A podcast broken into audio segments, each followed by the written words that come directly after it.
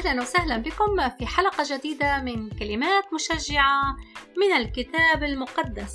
وما زلنا في هذه القصة الغنية المثل الذي رواه الرب يسوع للكتبة والفريسيين الذين اعترضوا على قبوله للخطاة وهذه القصة معروفة بأنها مثل الابن الضال. والبعض يقول من هو الابن الضال؟ هل الابن الذي ذهب وبذر معيشته بعيش مسرف ثم عاد أم الابن الأكبر الذي هو في البيت ولكنه كان ضالا؟ الحقيقة الابنان هما ضالان. الكتاب يقول أن الأب قال عن الابن الأصغر كان ينبغي أن نفرح ونسر لأن أخاك هذا كان ميتا فعاش وكان ضالا فوجد. فالأب هنا يقول عن الابن الأصغر هو ضال ولكنه وجد والابن الأكبر هو ضال ولكن هل عاد أم لم يعد؟ القصة لم تنتهي هنا لأن الرب ترك القصة مفتوحة النهاية مفتوحة لأنه لم يذكر لنا ماذا فعل الابن الأكبر بعد ذلك؟ ولو فكرتم معي جيدا هذا الابن الأكبر يمثل الفريسيين يمثل الكتبة هو يمثل قسم كبير من البشرية. تعالوا نفكر معا في الاحتمالات التي ممكن أن تكون ردود فعل لهذا الابن الأكبر. الاحتمال الأول أن يقول الابن الأكبر يا أبتاه أنت معك كل الحق. فعلا أن أخي كان ضال فوجد ويجب أن أفرح معك ويجب أن أتعلم منك الغفران والمسامحة ويجب أيضا أن أحب أخي وسوف أدخل إلى الفرح وأفرح مع أخي وأفرح معك يا أبتاه.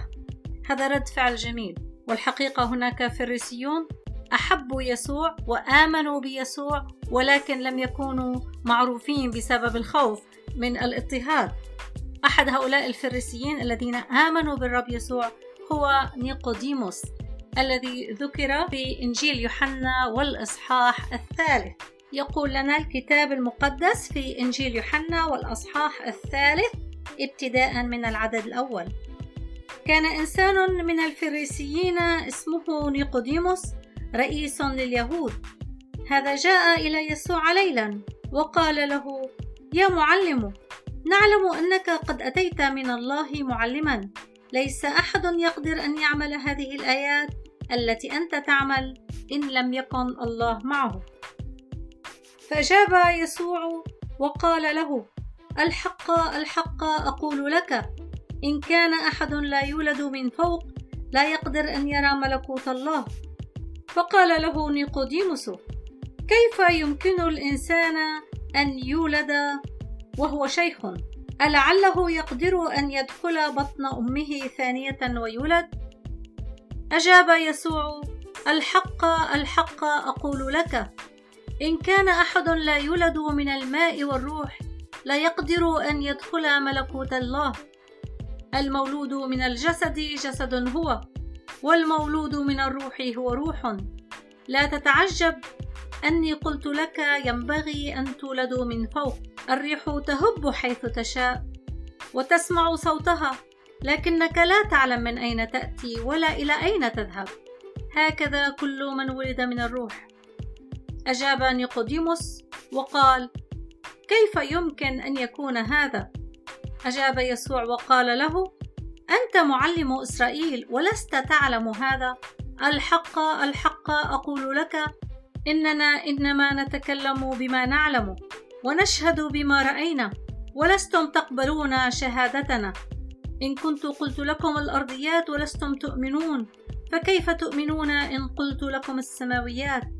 وليس أحد صعد إلى السماء إلا الذي نزل من السماء ابن الإنسان الذي هو في السماء.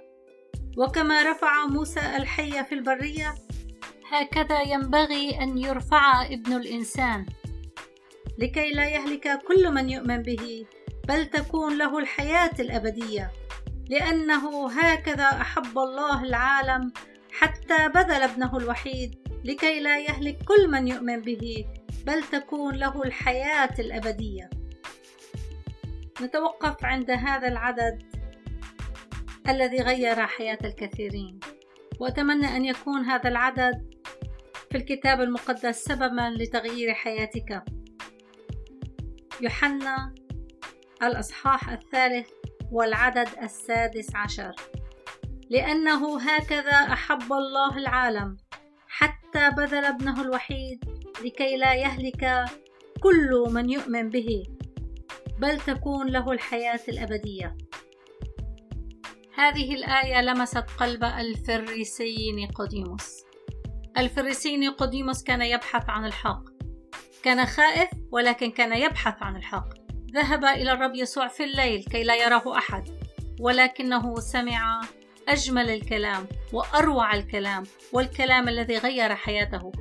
فيما بعد يذكر لنا الكتاب المقدس أن نيقوديموس كان هناك. كان أحد الذين آمنوا بيسوع عند ذكر أحداث الصلب. فنرى أن نيقوديموس قد ذكر في أحداث الصلب في إنجيل يوحنا الأصحاح التاسع عشر هو ويوسف الرامي. العدد الثامن والثلاثين. ثم إن يوسف الذي من الرامة وهو تلميذ يسوع ولكن خفية لسبب الخوف من اليهود سأل بيلاطس أن يأخذ جسد يسوع. فأذن بيلاطس فجاء وأخذ جسد يسوع. وجاء أيضا نيقوديموس الذي أتى أولا إلى يسوع ليلا وهو حامل مزيج مر وعود نحو مئة منا. فأخذا جسد يسوع ولفاه بأكفان مع الأطياب كما لليهود عادة أن يكفنوا. وكان في الموضع الذي صلب فيه بستان وفي البستان قبر جديد. لم يوضع فيه أحد قط. هناك وضعا يسوع لسبب استعداد اليهود لأن القبر كان قريبا.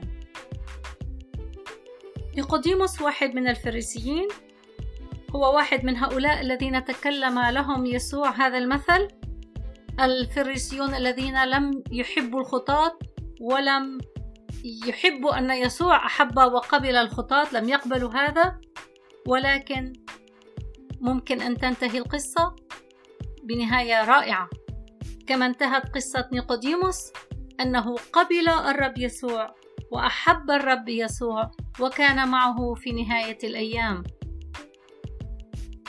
ولكن هناك نهاية أخرى لهذه القصة وهناك احتمال آخر لنهاية هذه القصة. هذه النهاية رائعة. يمكن أن ينتهي المثل بهذه النهاية.